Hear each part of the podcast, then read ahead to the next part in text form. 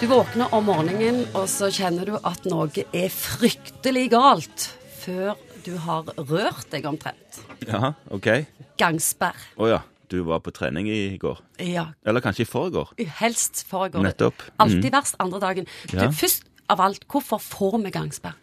Man bruker jo musklene når man er ute og trener. ikke sant? Det er jo det man gjør med trening. Da bruker man musklene. Og når de får brukt seg og kjørt seg skikkelig hardt, så kan det være at du får litt sånn rifter og rupturer, som det heter, i muskelvevet, i det som er muskel.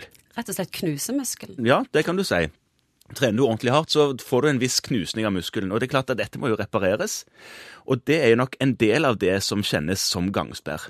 Hvorfor er det verst den andre dagen? Det er da disse her reparasjonsmekanismene som kom i gang etter knusningen har skjedd, er på sitt eh, høyeste aktivitetsnivå. At det er da det er liksom mest, er mest aktivitet i muskelen. Da du må gå ned trappa baklengs og Ja. heise deg ned på toalettet som en 90 år gammel Det er da sånne ting eh, skjer, ja. Ja.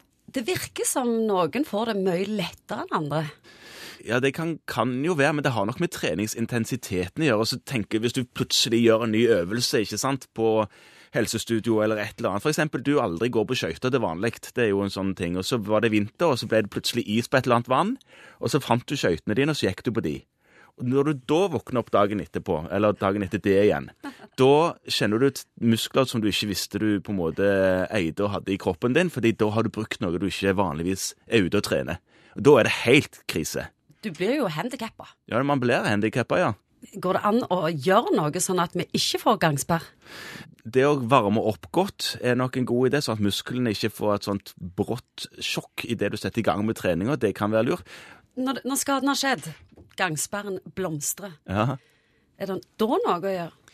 For å fikse Da det? er det nok bare å ta tiden til hjelp. Og eh, noen vil jo si at eh, det å dra ut på en veldig lett joggetur Da er det liksom en del som sier at da frakter du avfallsstoffet vekk fra musklene fortere. Og eh, ja, jeg, jeg tror nok kanskje ikke du gjør det, og reparasjon går nok like fort. Men du vil nok føle mindre på gangsperren hvis du klarer å ta en liten, lette økt, selv om du har gangsperr. Is, massasje. Ja, dette her er eh, sånne ting som du kan gjøre rett etter en eh, treningsøkt for å redusere muskelskaden noe. En del sverger til disse tingene, men det er ikke noen sånn veldig god forskning som viser at stølhetsfølelsen blir, eh, blir redusert av det. Hvis du går og trener styrke, Ja, og har blomstrende gangsperr etterpå, Mm. er det da greit å trene igjen?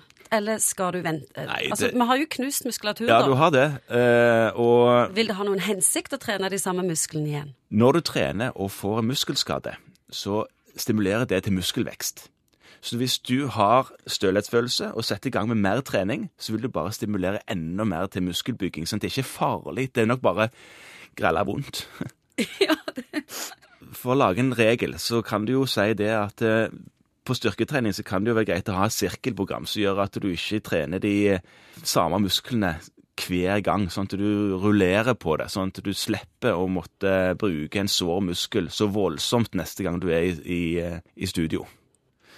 Jeg tror egentlig du skal være litt glad for at du føler på en viss gangsperrsfølelse, iallfall, for det betyr at du har trent sånn til monne.